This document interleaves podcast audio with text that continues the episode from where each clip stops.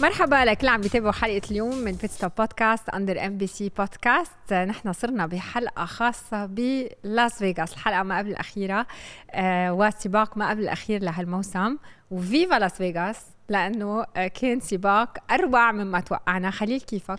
أنا منيح سابين. آه مرحبا. آه لاس فيغاس يوم الجمعة كان بدأ بيوم كارثي ولكن بعتقد بعد انتهاء سباق يوم الأحد من أفضل سباقات الموسم إذا مش الأفضل بالنسبة للتسابقات اللي حصلت على أرض الحلبة.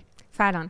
لاس فيغاس صرنا من أول سنة بنحكي عن لاس فيغاس. حتى من السنة الماضية بلشنا نحكي عن لاس فيغاس عن هالسباق يلي الفورمولا 1 آه تعاونت مع لاس فيغاس وهي ال promoter وهي يلي استثمرت أكثر من 500 مليون دولار لمدة 10 سنين لهال partnership بينهم وبين المدينة لحتى يقام سباق هنيك هلأ بالسبعينات صار سباق ومن كم سنة كمان صار سباق ولكن هيدا أول مرة بينعمل circuit خاص بالفورمولا 1 يلي ال Strip الشهيرة تبع لاس فيغاس داخلة فيه أو شقفة منها داخلة فيه وصممه Tilke يلي كمان سبق وصمم عدة حلبات منهم حلبة جدة.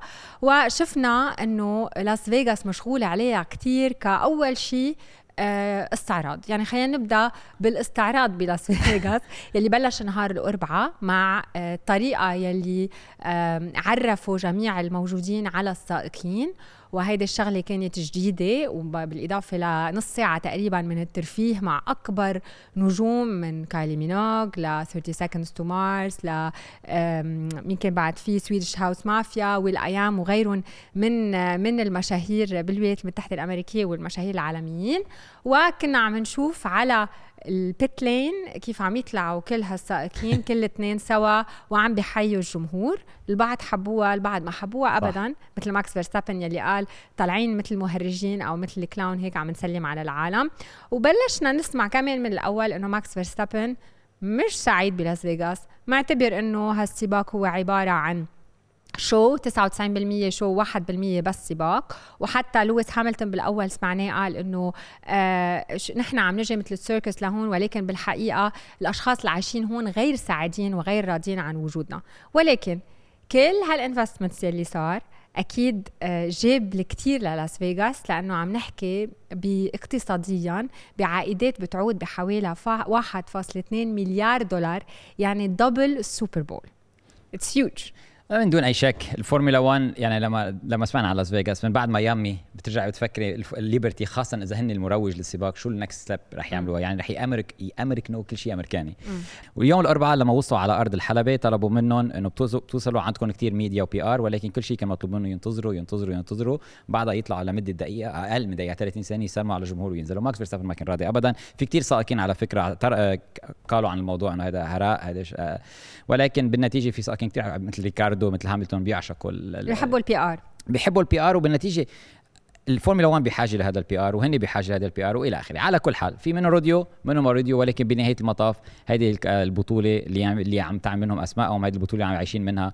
أنا برأيي لازم إذا عنده واحد اعتراض يعترض شوي بس مش كثير قدام العالم ولكن ماكس فيرستابن كان طاحش عليهم. في شيء غريب لأنه إذا بتشوفي كل كل آه، ال weekend على كل شيء. ما عدا يوم الأحد. لما خلص السباق لا السباق كان ممتع. ولكن كل شيء قبل السباق حتى سمى لاس فيغاس ك Grand Prix مثل شبه شبه لاس فيغاس بال national league بال football يعني الدوري المحلي وموناكو بال Champions League ما في شيء رح يحل محل موناكو. ما زالت فورمولا 1 موناكو قصة مختلفة. ولكن هذا شيء جديد للبطولة. مع إنه خلينا نتفق على شغلة إنه السباق آه. بفيغاس أحلى بكثير كان من موناكو ك... على ك... سنين طويلة يعني. صح. بعتقد من أول ما خرجوا على أرض الحلبة لقوا انزلاق كبير. طبعا نحن بنتكلم حلبة لاس فيغاس هي حلبه منا حلبة دائمه هي حلبة مدن شوارع تستعمل تم إسفلتها تحضيرا للفورمولا 1 ولكن كان في انزلاقات كبيرة ما في grip ابدا تماسك كان سيء.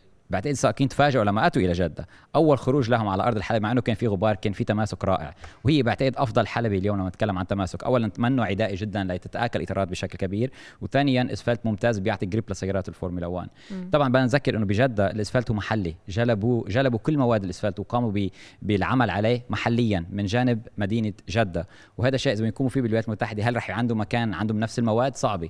إذا بده يكون هل رح يشحنوا مواد؟ لهونيك صعبة. ولكن على الأرجح ممكن يتم إسفلت الحلبة بس لو ما الاسفلت والانزلاقات يمكن ما كان عندنا السباق رايناه يوم الأحد. أنا أعتقد درجه حرارة هي لعبة الدور الأكبر. درجه حرارة المنخفضة ما ساعدت كثير الإطارات خلت الإطارات تبرد بتسبب انزلاقات تجاوزات والى آخره.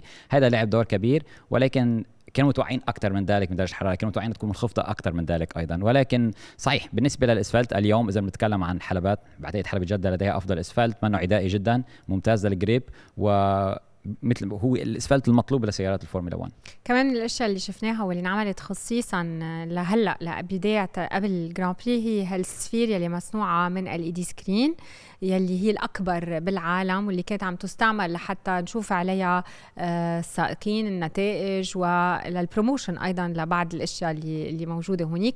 ومثل ما فهمنا إنه الفورمولا 1 جربوا يستغنوا عن اللون الأحمر الأصفر والأزرق لحتى ما يضيعوا السائقين هن وعم بيقودوا مع كل الألوان وكل الاضويه يلي موجودة بلاس فيغاس. من هيك كنا عم نشوف حتى F1 كنا عم نشوفها باللون ال pinkish أكثر من اللون الأحمر. أه، بعتقد بالنسبة لهذه ال Sphere موجودة هي على منعطف أمام منعطفات بده ينظر السائق يمين ويسار على الأعلام. إذا كانت كلها باللون الأزرق أو كلها باللون الأصفر أو اللون الأحمر هذه أعلام صحيح. يمكن يمكن تضيع ما بعتقد كان راح بيضيعوها صراحة ولكن طلب منهم ما يستعملوا هذه الألوان.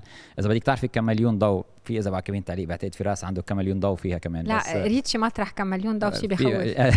100% ولكن بالنسبة ل بالنسبة لل, لل... بعتقد الجميل بفيغاس إنه اولا اولا كان منا سهل ابدا يقوموا حلبة أو يبنوا حلبة حول هذه المدينة. مثل ما ذكرتي ببداية الحلقة الجم... سكان المدن ما كانوا راضيين ابدا في عدد كبير من الطرقات سكرت آه، في عدد كبير من مناطق المشاة حتى سكروا تما تما حدا عم بيمشي حول الطريق يشوف. غرف الأوتيلات كمان سكروا غرف المطاعم المطاعم للي ما بيدفع على بطاقة فورمولا 1 ما كان قادر يشوف. بعتقد كان في أشياء كثيرة واللي حصل يوم الجمعة كان أسوأ ما توقعوا. أيضا رح نتكلم عنها من بعد اللي حصل. ولكن بالنتيجة الكل بيتذكر آخر يوم. مم. وآخر يوم مدينة لاس فيغاس أعطت سباق ممتع. بعتقد كل العالم عم بيتكلم عنه في أصبح بنهاية الجولة إيجابيات أكثر من سلبيات. كلمتين كمان عن ال investment اللي عملته الفورمولا 1 حتى اشترت أرض الفورمولا 1 يلي بنيت عليها ال paddock لحتى يكون موجود كل الوقت هونيك يعني منه paddock هال هالمباني منا عم تكون عم تتفكفك وترجع كل فترة صحيح. موجودة كل الوقت هونيك للفورمولا 1 وحتى صار فيهم يتزوجوا الناس بقلب ال paddock بمكان معين. منهم جاك بطل العالم بطل العالم السابق يلي تزوج خلال هيدا ال weekend لكن احتفال مع كل في مع كل الالفيس بريسلي اللي كانوا موجودين هونيك واحتفل مع كل جماعة الفورمولا 1 إذا بدك بزفافه خلينا نبدأ مع هال Grand Prix ونبدأ مع آه، نهار الجمعه ال FP1 أو التجارب الحرة الأولى يلي دامت تقريبا 8 دقائق ومن بعدها شفنا غطاء تصريف المياه يلي طلع من محله آه، سبب بالضرر لسيارة أوكون وأيضا سبب بالضرر لسيارة ضرر كبير لسيارة ساينز. ومن بعدها وقفت هالتجارب وصار كتير أشياء. اول شغلة صارت هي إنه آه طبعا ضررت السيارة وقيمه هالضرر بحوالي 1.2 مليون دولار على فيراري. ما حدا قال إنه لا الحق علينا. ثاني شغلة آه كل التغييرات اللي صارت مع كارلوس ساينز أخرته بمركز الانطلاق للمركز 10 آه، 10 مراكز مركز الانطلاق. ونحكى كثير عن هالموضوع. مين مع مين ضد. الوحيدين اللي كانوا ضد هن توتو وولف ومرسيدس لأنه قريبين كثير من فيراري وأحسن لهم إنه يتراجع كارلوس ساينز. صحيح. ولكن اليوم السؤال اللي بيطرح حاله خليل هو أول شيء مين كان مفروض يتكلف بهال بهالمبلغ لفيراري؟ وتاني شغلة آه، هل عن جد كان لازم يتراجع 10 10 مراكز ولا تعتبر force majeure مثل ما طلب كارلوس ساينز؟ هذه هذه هذه المسألة، اولا بالقوانين الحالية ما في شيء اسمه force majeure إذا حصل هذا الحادث، وهذا هذا السبب لهذا السبب ما قدروا يعطوا أو يسامحوا أو يعطوا آه، محرك إضافي لسيارة الفيراري، اولا بدنا نذكر إنه اللي حصل بأول 8 دقائق انسحب غطاء التصريف المياه انسحب بالكامل. هذا بفرجي قد سيارات الفورمولا 1 بيولدوا قوة إنسيابية كبيرة وبيسحبوا عم تتكلمي يعني تقريبا أكثر من 300 كيلو جرام عم بيسحبوا. واو. وسحبوا وهذا من بعد ما مروا عليهم الاتحاد ولكن كما يبدو كمان إنه وقت ما كان لازم يمروا عليهم مرة ثانية. كان تو نفس التوقيت اللي عم بيحصل فيه ال concert يوم الجمعة يوم الأربعاء.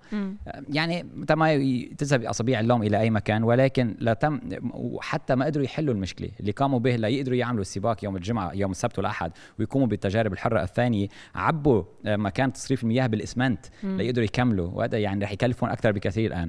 ولكن بالنتيجة فورمولا 1 ما فيها تسقط ما فيها أيضا سببت له مشاكل كبيرة إلغاء التجارب الحرة الأولى. أنت تخيلي هيدي أغلى تذاكر بيعت بعالم الفورمولا 1 حتى الآن. إذا أنا شخص شاري تذكرة يوم الجمعة فقط ما طلع لي أي شيء. طلع لهم شو؟ 200 دولار voucher يشتروا فيها من مصرف الفورمولا 1 من هلا رافعين دعوة. في 35 ألف شخص هلا صحيح من هالاشخاص رافعين دعوة. وإنت ببلد الدعاوى أمريكا بينطروا حتى يكون في حيلا occasion يرفعوا دعوة. رافعين دعوة على المنظمين إنه آه، خلوا بال contract أو شو مكتوب بالعقد لما واحد اشترى التذاكر.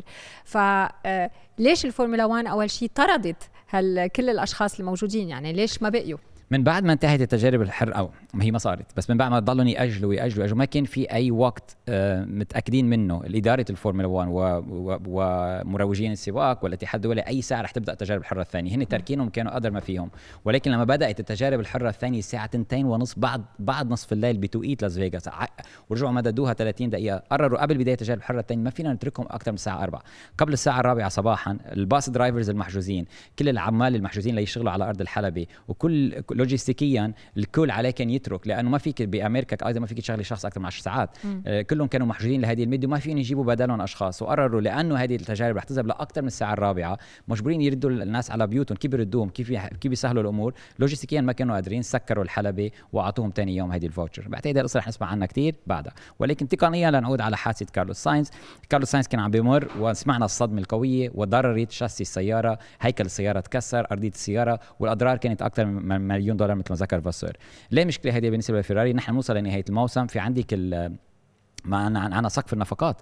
وما بعتقد فيراري توقعت إنه رح تحط مليون دولار بنفقاتهم هذا الموسم بآخر سباقين على ضرر سيارة. م. يمكن يكونوا بسبب هذه الحادثة يمكن فيراري تتجاوز سقف النفقات المسموح به اولا.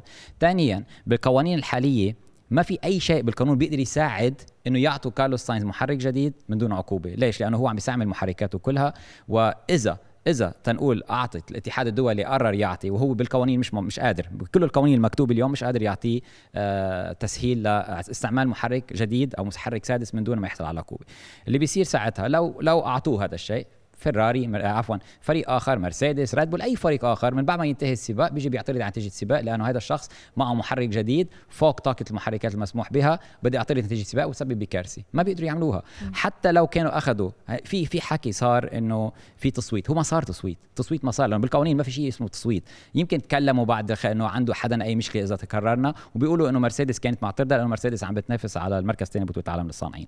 ولكن ما صار التصويت ما في تصويت. قانون ما بيقول هذا الشيء. هذا طلع واحد إعلامي وحكي عنه. يمكن صار حكي بين الفرق إنه خلينا نحن كلنا نمضي ورقة وتسهل هالأمور لكارلوس ساينز. ويمكن واحد من هذه الفرق قال لا أنا ما رح أمضيها. وهو على أرجح فريق مرسيدس لأنه سمعنا بعدين من كارلوس ساينز وعدد من السائقين تطول بس تخيلي أنت اليوم مرسيدس عندك فرصة تحصلي على مركز ثاني أربع نقاط. أربع نقاط بيناتهم. ما رح يقبل بالموضوع لأنه القوانين بتساعده. آه كمان بالنسبة للتعويض المادي لأنه اليوم فريدريك فاسور عم بيرجع يحكي مع منظمي لاس فيغاس للتعويض المادي. لأنه أوكي هل 10 مراكز ما بيقدر يعمل شيء فيهم؟ ولكن تعويض المادي بالنسبة لفيراري خاصة إنه بال 2017 جروجان مثلا آه، أخذوا رجعوا من ال insurance تعويض آه، آه، مادي من بماليزيا مثل ما قلت. so, هون المفروض يقدروا يعملوا يعني أكيد رح يحاولوا. أنا أنا أكيد إدارة الفورمولا 1 لتذهب من كل هذه اللي حصل وهذه حلبتهم إلى آخره. يمكن يحصلوا على شيء ما لأنه بالنسبة لل كتب الحسابات لاحقا. فريق فيراري بعتقد في مأزق الآن لأنه مش معتقدين رح يصرفوا هذه الأموال وهذه أموال رح تذهب من الميزانية ورح بيحاول كل شيء. فريدريك فاسور لا فعل ذلك. ولكن آه ولكن صح هل هل هل هذا الشيء بالنسبة لكارلوس ساينز fair؟ آه، أكيد لا. ولكن بالنتيجة هذه هي رياضة السيارات. هذا شيء حصل ووصل لمحرك يعني في plus وفي minus في بسهولة بسهولة أي فريق آخر في يعترض على هذا الشيء بسبب القوانين. على كل أنا بالنسبة F 1 صار في كثير اعتراضات مثل ما ذكرت تذاكر خاصة إنه التذاكر تبع هال weekend كلها كانت اسعارها خيالية ولكن قبل بداية الويكند تم تخفيض أسعار بعض التذاكر لأكثر من النص لحتى يقدروا يبيعوا أكثر ويجوا المتابعين المتابعين على لاس فيغاس. وبنفس الوقت آه، حتى المتابعين والمشاهدين بكافة أنحاء العالم نهار الأحد كانوا أقل ب 32% مع إنه السباق كان رائع لأنه التوقيت كان سيء بالنسبة لأوروبا وبالنسبة للمنطقة عنا. منيح معرفة هذا فيرستابن كان خرب الدنيا الاوائل كان إيه كان كفى على الموضوع بعد. هلأ إيه بتصور. هيدي النقطة فاتته لفيرستابن. خلينا نكفي لل qualifying بلاس فيغاس. كمان كان كان qualifying جيد آه، أبرز يلي صار خلال هال qualifying هو آه، أنا أول شيء بالنسبة لي أبرز شيء هو سارجنت. بالمركز السادس سارجنت الويليامز نسبتها إيه. خطوط مستقيمة. آه فعلا. وبيريز لكن آه أيضا مثل ما شفنا آه لأول مرة أخطأ معه ال engineer بشكل كبير. يعني هيك miscalculation ما بتتوقعها من حدا من بس غريبة لأنه نحن بكابين تعليق أنا عم بتذكر إنه دخل قبل دقيقتين و38 ثانية وكان واضح من ال Q 1 لل Q 2 كان في تحسن كبير. أول مفاجأة خسرنا سيارتين المكلارن لأنه عندوا آه إنه يتأهلوا من ال Q 1 إلى ال Q 2 بمجموعة واحدة من الإطارات والحلبة كانت عم تتحسن المفاجأة اللي حصلت يوم الجمعة ما داروا كثير على ارض الحلبة. ساعة ونص من التجارب بالتجارب الحرة الثانية. وبعدها ما توقعوا إنه الحلبة تتحسن بهذا الشكل لأنه لما ما يكون في grip عالي جدا عادة لما يكون في تماسك جيد الحلبة كل ما يطلع السيارات عليها بعد 10 12 دقيقه بتتحسن 4 إلى 15 من الثانية. ما كانوا متوقعين هذا الشيء يحصل. ولكن كان واضح إنه الحلبة بدأت تتحسن. كل ما يعودوا على إطارات جديدة كانوا عم بيسجلوا أزمنة سريعة. صحيح إنه في كل السيارات دارت بلفتين بطيئتين أو لفتين تحمي وبعدها لفة سريعة ما عدا المكلارن والفيراري. ولكن بيريز خرج على أول مجموعة إطارات خرج مسبقا قبل الكل سجل زمن كان زمن سريع وكان بيأهله بعيد ما نذكر انه كان بعيد فقط 20 ثانية عن ماكس فيرستابن. والفريق توقع إنه ما رح تتحسن الحلبة و كان بعد ما دقيقتين و38 ثانية بتذكر أنا عم بنظر عليها وبتفاجئ كيف كيف كيف دخل pit؟ أنا افتكرت رح يدخل يبدل اطاراته ويخرج كانوا مرتاحين وخرج بفرق أقل من 10 ثواني وأيضا لويس هاملتون ساعتها كمان المفاجأة الأخرى ما كان يقدر يحسن أزمنته لويس هاملتون ولكن لويس هاملتون ما كان عندهم السرعه بالسيارة. ولكن ريد بول عندهم كل السرعة وكانت خسارة بالنسبة لهم صح ريد بول فيراري كانوا رائعين خلال هال weekend عم نشوف تقدم كثير كبير بتصور محبي فيراري سعيدين نوعا ما مع كل الاشياء اللي بتصير معهم كل weekend ولكن سعيدين بهال بهالتقدم بفيراري خلال نهايه هالموسم. الحلبة بتناسبهم اذا إذا بنشوف تصميم حلبة لاس فيغاس بتعرف مباشرة هذه حلبة محركات فيراري. حتى راينا بوتاس دخل ال top 10 فريق الهاس كان جيد بلفات سريعه محرك فيراري يتميز بالخطوط المستقيمة وشحن البطاريه والى آخره.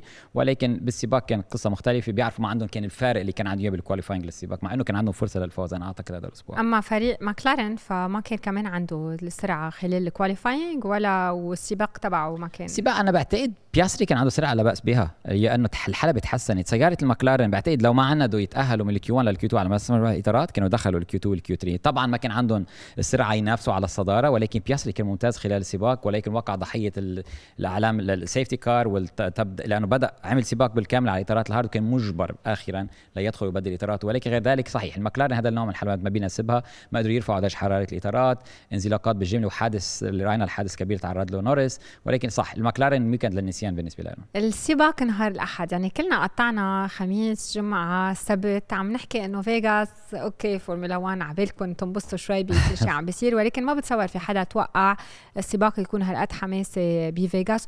وهيك تكون الفورمولا 1 مثل ما لازم تكون. يعني آه فيها كتير مفاجآت خلال السباق يعني الفرق قريبة من بعضها. يعني تشوف ماكس فيرستابن عم بجرب يرجع يلحق حاله عم ياخد عقوبات من وقت للتاني عم يعمل أخطاء من وقت للتاني. يعني السباق كان آه فعلا من أروع السباقات خلال هالموسم. خلينا نبدأ مع البداية. وبالبداية آه، أبرز يلي صار هو آه، ألونزو.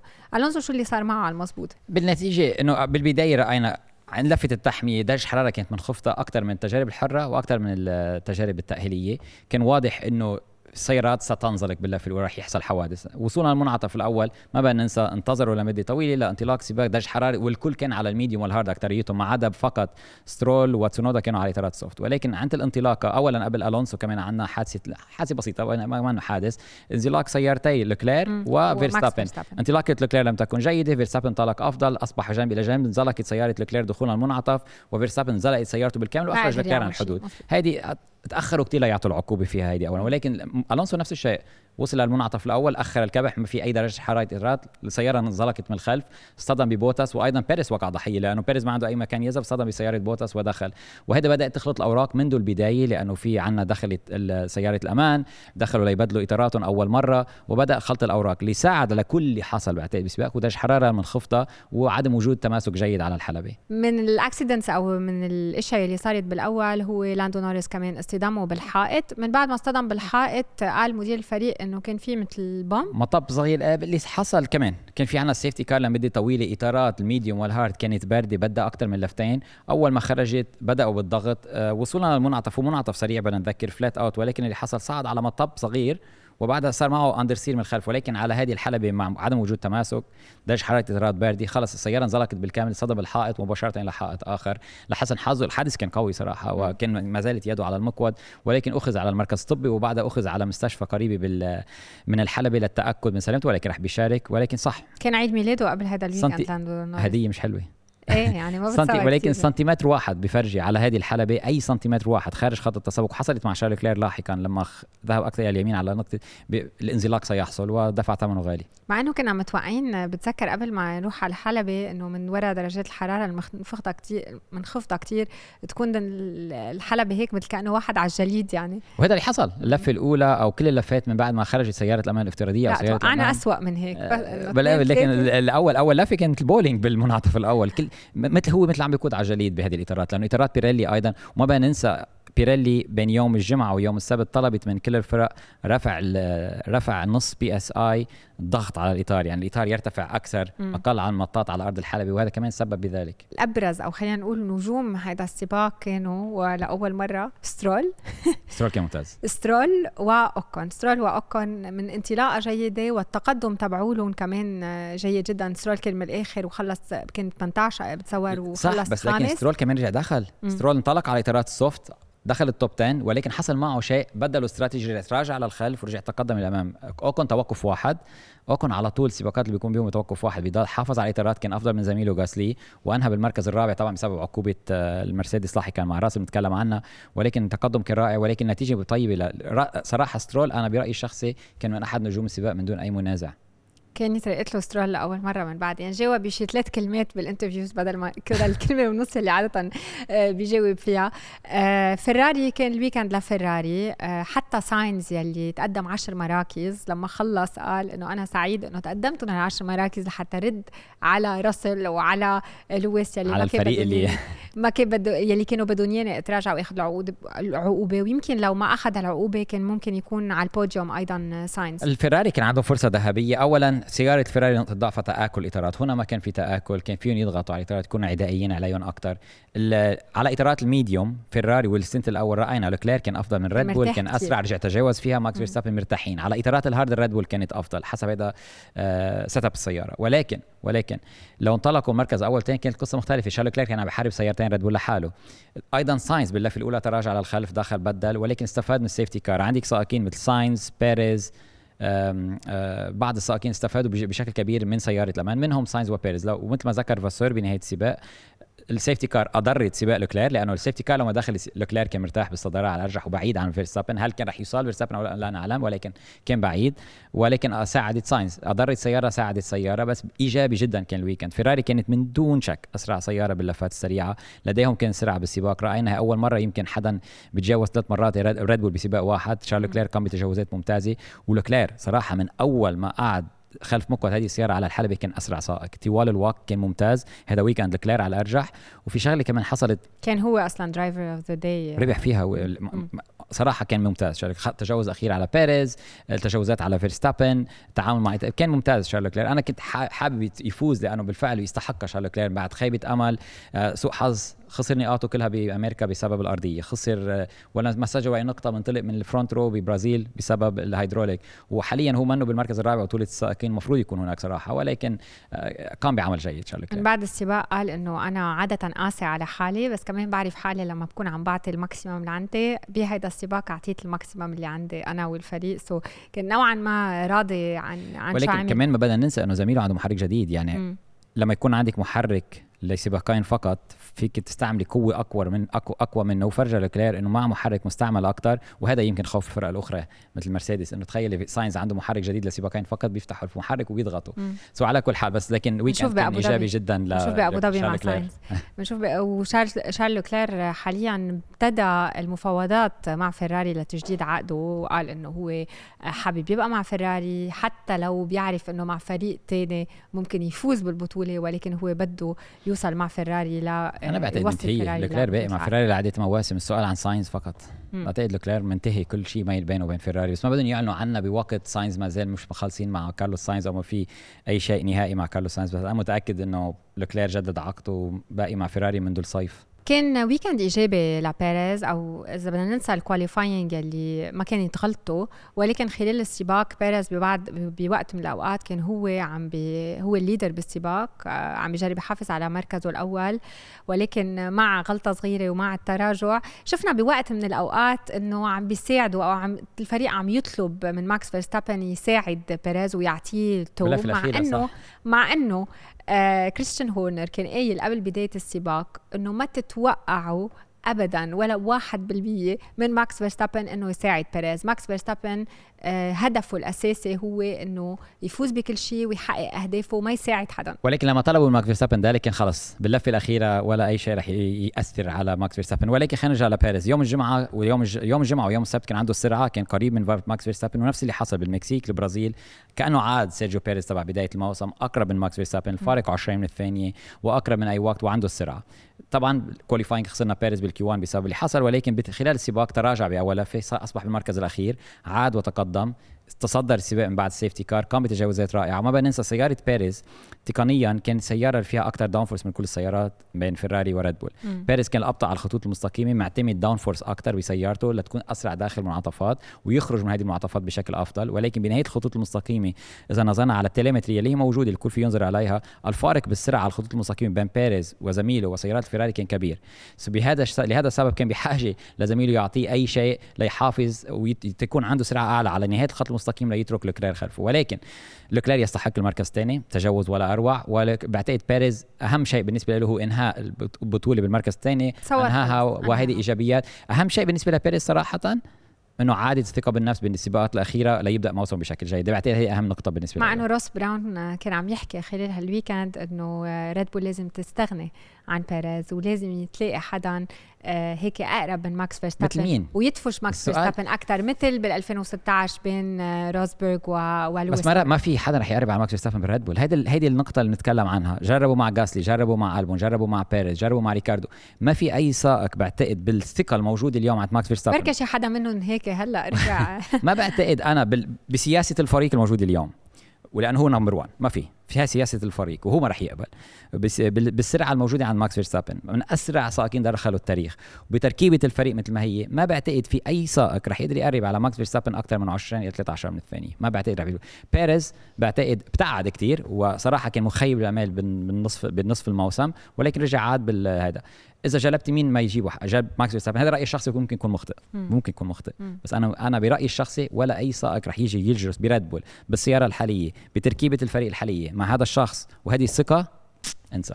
على كل ماكس هذا الفوز ال 53 بمسيرته يعني صار مثله مثل فيتيل أكيد رح يسبقوا لفيتيل 18 خلال هذا الموسم وأكيد كسر كل records و20 فوز لريد بول لفريق واحد. كمان هيك بيكونوا كسروا ال record تبع مرسيدس آه، آه، يلي كانوا عندهم 19 فوز بموسم واحد. يعني أسبوع ورا أسبوع عم بكفي تكسير بالأرقام القياسية يلي آه، على ويكيبيديا مثل ما ما ما حدا بيتابعهم.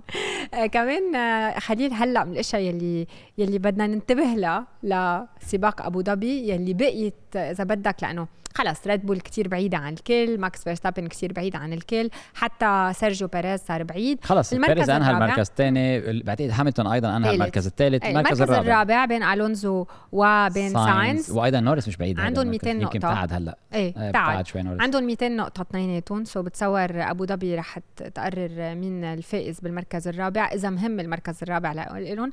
وبالنسبة لبطولة الصانعين نفس الشيء هيدي هي الأهم. مرسيدس وفيراري أربع نقاط فقط.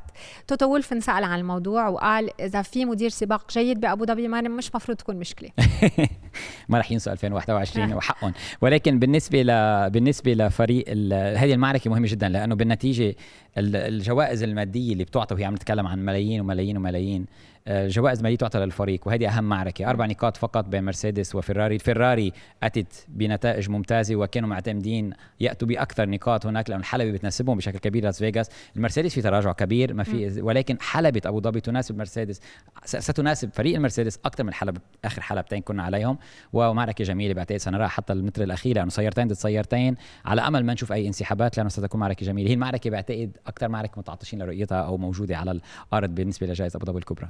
على كل لاس فيغاس بتصور كل السائقين طلعوا سعيدين منها الجائزة ما عدا يمكن ويليامز يعني من الجائزة نعم ولكن نتيجة ويليامز ويليامز فريق كان عنده فرصة مم. ضروري كان يسجل نقاط لأنه بجائزة أبو ظبي الكبرى أعتقد الالفا توري يكون يكونوا اسرع من فريق ألفا كانوا مش موجودين بيناتهم. حتى الويليامز تراجع كبير خلال السباق. مم. آه بس الأغلب مثل ما قلت كانوا سعيدين حتى ماكس فيرستابن يلي كل ال weekend كنا عم نسمع آه عم بناء على كل شيء وصل نهار الأحد وقال كان السباق رائع استمتعنا فيه كلنا. آه بتصور كمان بالنسبة للمشاهدين كانت مفاجأة لاس فيغاس. وحتى لو صار في فيها بعض الأشياء يمكن المزعجه أو مش على ذوقنا أو ال hardcore fans تبع الفورمولا 1 ما بيحبون ما فينا ننكر إنه السباق كان حلو. وأنا كمان حتى visually لقيتها كثير حلوة. أنت ما وافقتني أنا لا بس كأنه عم كأنه video game اول أول ما اول أول كم منعطف في هيك جميله ولكن في في أماكن كثيرة بالحلبة هيك ما فيها حياة كأنه غير غير أول كم منعطف على كل حال. هلا هي لاس فيغاس رأيي لاس فيغاس بالنهار ما فيها حياة يعني بالليل الاضويه بس. الفريق الوحيد يمكن ما حكينا عنه هو فريق هاس. قبل بداية السباق قالوا إنه رح يكون عندهم سيارتين مختلفتين. السيارة رح تكون فيها ال package القديم يلي هي تبع هولكنبرغ والسيارة بال package الجديد يلي هي تبع ماغنوسون اللي صار قبل مجيء لجائزة ولاس فيغاس كبرى. هولكنبرغ قال جلبوا تعديلات وعلى أساس هي التعديلات رح تجلب الكثير م. من التقدم ولكن ما حصل أي شيء. هولكنبرغ قال لهم أنتم ضايعين بال R&D department على الأرجح. قال لهم حطوا السيارة تبع اللي سابق بداية الموسم كنت مرتاح عليها ونفس السرعة م. وما تغير أي شيء بالإطارات وحطوا مع ماجنس السياره خلينا نفهم قدر المستطاع شو عم بيطلع من السيارة الجديدة بنفس الوقت اللي عم بيطلع من السيارة القديمة؟ وهذا كان هدف هولكنبرغ ورح يبقى بنفس الشيء بالنسبة لأبو ظبي لأنه مشكلة هولكنبرغ بيعتمد مع فريق شايف إنه ما عم بيقدروا يتقدموا ما عم بيقدروا يطوروا السيارة ولازم يتعلموا أكثر الموسم المقبل. باللفات السريعه كان موجود فريق الهاس آه، ماجنسون كان ممتاز بال qualifying هولكنبرغ خرج من ال Q2 ولكن خلال السباق نفس القصة. حتى على حلبة ما في تأكل كبير الاطارات تراجع فريق الهاس. خلينا نحكي شوي خليل عن بعض ال news اللي انحكى عنها بالفورمولا 1 مؤخرا بداية مع سيارة فيراري اللي ابتدوا الحديث عن الموسم المقبل وقالوا إنه سيارة الموسم المقبل رح تكون مستوحاة كثير من سيارة ريد بول حاليا لأنه مثل كل تغيير بالقوانين بينقلوا ال leader وهلأ مثل ما شفنا الكل عم ينقلوا ال leader so uh, so أرضية مختلفة uh, كليا ورح تكون مستوحاة من سيارة ريد بول جهاز تعليق كمان. بعتقد السر الكبير بسيارات ريد بول هو جهاز التعليق. تعليق وفكر يلي استعملوه يستعملوا يلي أخذوا فكرة كثير منه ألفا تاوري بالخف شوف السيارة؟ أصبحت افضل بكثير حتى جهاز التعليق الأمامي فريق فيراري عم يذهب بنفس الاتجاه وشيء طبيعي مثل ما بنعرف. هذه السيارة نجحت. من سيارة يمكن إذا مش الأفضل من أفضل السيارات بالتاريخ. سيطرت على الموسم كامل. عليك أخذ معطيات منها. وصحيح فيراري مع المحرك الموجود لديهم وإذا قدروا بالفعل يعطوا chassis جيدة وسيارة سريعة بمنعطفات فيراري كانت تكون ولكن ما فينا نعرف نعلم اي شيء لأن ريد بول رح تتقدم. ما عندهم ما عندهم ما عندهم وقت كافي لل CFD ورأينا الفارق عم بينزل. عم يخف الفارق بين ريد بول والسيارات الأخرى وهذه مؤشرات للموسم المقبل. لأنه ريد بول ما بننسى عندهم العقوبة والعقوبة رح يدفعوا ثمنها بداية الموسم المقبل اللي أخذوها من موسمين. خلينا ننتظر ونشوف بداية الموسم. ولكن هورنر يحكي عن هذا الموضوع على فكرة بس بس لأنه شيء طبيعي صح؟ مم. عم تخسري كثير من وقت على ال wind tunnel وعلى CFD ولكن هن advantage عندهم إياهم. هذه السياره متقدمة على غيرها ك base سيارة. خلينا نشوف بداية. قبل بداية الموسم المقبل ما فينا نعلم عن شيء. فيراري مرسيدس الكل إذا رح يتقدموا رح بيكونوا بسرعة ريد بول ما هو تقدم ريد بول شو رح يجرب فريق ريد بول يعني مع ادريان يمكن يجرب شيء جديد ما حدا بيعرف. ما بالحديث عن ريد بول قالوا إنه ال RB 20 رح تكون ثورة بعالم ال aerodynamics. وتوقعوا ثورة من ادريان نيوي بعالم ال aerodynamics. وبالحديث عن ادريان نيوي قال كريستيان هورنر مؤخرا إنه إجت فيراري من من فترة وعرضوا على ادريان نيوي آه إنه يعيش ببيت آه كثير كثير حلو بموناكو ويعطوه يلي بده بس ينقل لعندهم. فهو بال negotiation معه قال له شو بدك؟ بدك تعمل سيارة للطريق؟ قال له إيه. فعطوه قال له خلينا نعمل باركي اتفق وأكيد اشتغل على هالموضوع internally كريستيان هورنر ولهالسبب تم تصميم الفالكري يلي هي الاستون مارتن الفالكري يلي بيقودها اليوم آه، عنده إياها بالجراج آه، ماكس فيرستابن. وقال أدريان نيوي إنه من حظه إنه هو بقضي بس 50% من وقته عم يشتغل على الفورمولا 1 وعلى سيارات ريد بول وال 50% الثانية بيشتغل على تصميمات ثانية لمدير ريد بول لصاحب ريد بول منها مثلا عم يشتغل له على submarine أو غواصة. أنت تخيلي لو عم يشتغل 100% شو كان صار؟ عن جد. كنت خير عم يشتغل بس 50% تخيل. شوية منافسة. تخيل باقي الفرق يعني بالنسبة لهم إنه أنا بس عندي 50% من وقتي وحاطط team بيشتغلكم لحتى يتسلى مع باقي الفرق وما حدا عم يقدر يلحق ادريان نيوي يعني another level. بالحديث عن ريد بول خلينا نضل بأجواء ريد بول هيلموت ماركو كمان يلي دائما بضل عم يبحث على آه هيك الموهبة الجديدة بعالم الفورمولا 1 فقد الأمل إنه يلاقي ماكس فيرستابن جديد وقال إنه كل ما يشوف موهبة جديدة بيلاقي إنه فيهم شيء من ماكس فيرستابن ولكن ما بيتوقع إنه يشوف فيهم بطل العالم بالمستقبل مثل ماكس فيرستابن. مثلا حكى عن اوليفر جوتي يلي قال عنه إنه سريع كثير و... وعنده شيء من ماكس ولكن منه بعتقد ما أنا ذكرتها يمكن سابقا. سينا، شوماخر هاملتون فيرستابن. بدنا ننتظر 10 سنين 12 سنة لتشوف موهبة بهذا الشكل. هذا هذا هذا بيصير. ماكس فيرستابن صحيح. آه، اللي بعتقد اللي ذكره دكتور ماركو كمان قال إنه أنا استسلمت لاقي ماكس فيرستابن آخر ولكن حاليا إذا بدنا ننظر بالنسبة لفريق ريد بول مين يجلب سائق سائق بيقدر يفوز بالسباقات لا ماكس فيرستابن ما يقدر يفوز. هذا اللي عم بيقولوا حاليا. ولكن يمكن بعد خمس سنين أو أربع سنين أو بعد ثلاث سنين يظهر حدا بالفورمولا 3 ما نتوقعه مين يعلم هلأ آه، هورنر قال مؤخرا كمان إنه ألبون رجع آه، هيك آه، موهبة مهمة بعالم الفورمولا 1 مع إنه قطع وقت فقد الثقه بحاله وكل هالأشياء ولكن اليوم بس شاف تطوره مع ويليامز بيعتبر إنه اليوم he's he's hot new F1 مش مش new يعني بس إنه he's a، ألبون عم بيقوم بعمل جيد ولكن هذا بيفرجي الثقة. لما تكون الثقة موجودة بالنفس عند فريق وأنت قائد الفريق وزميلك على طول عم تفوق عليه بتكبر الثقة أكثر وأكثر وهذا عم بيمر فيه أليكس وصراحة جيمس فولز عم بيكون بعمل جيد بفريق الويليامز. وعارف مدير جيد. مدير جيد وعارف كيف عم بيقدر يبني ثقه حتى لسارجنت. سارجنت عم بيكون بعمل جيد بنهاية الموسم. هورنر كمان ذكر إنه دانيال ريكاردو لما ترك ريد بول كان هالقرار خاطئ يعني اكتشف هالشيء بسرعة.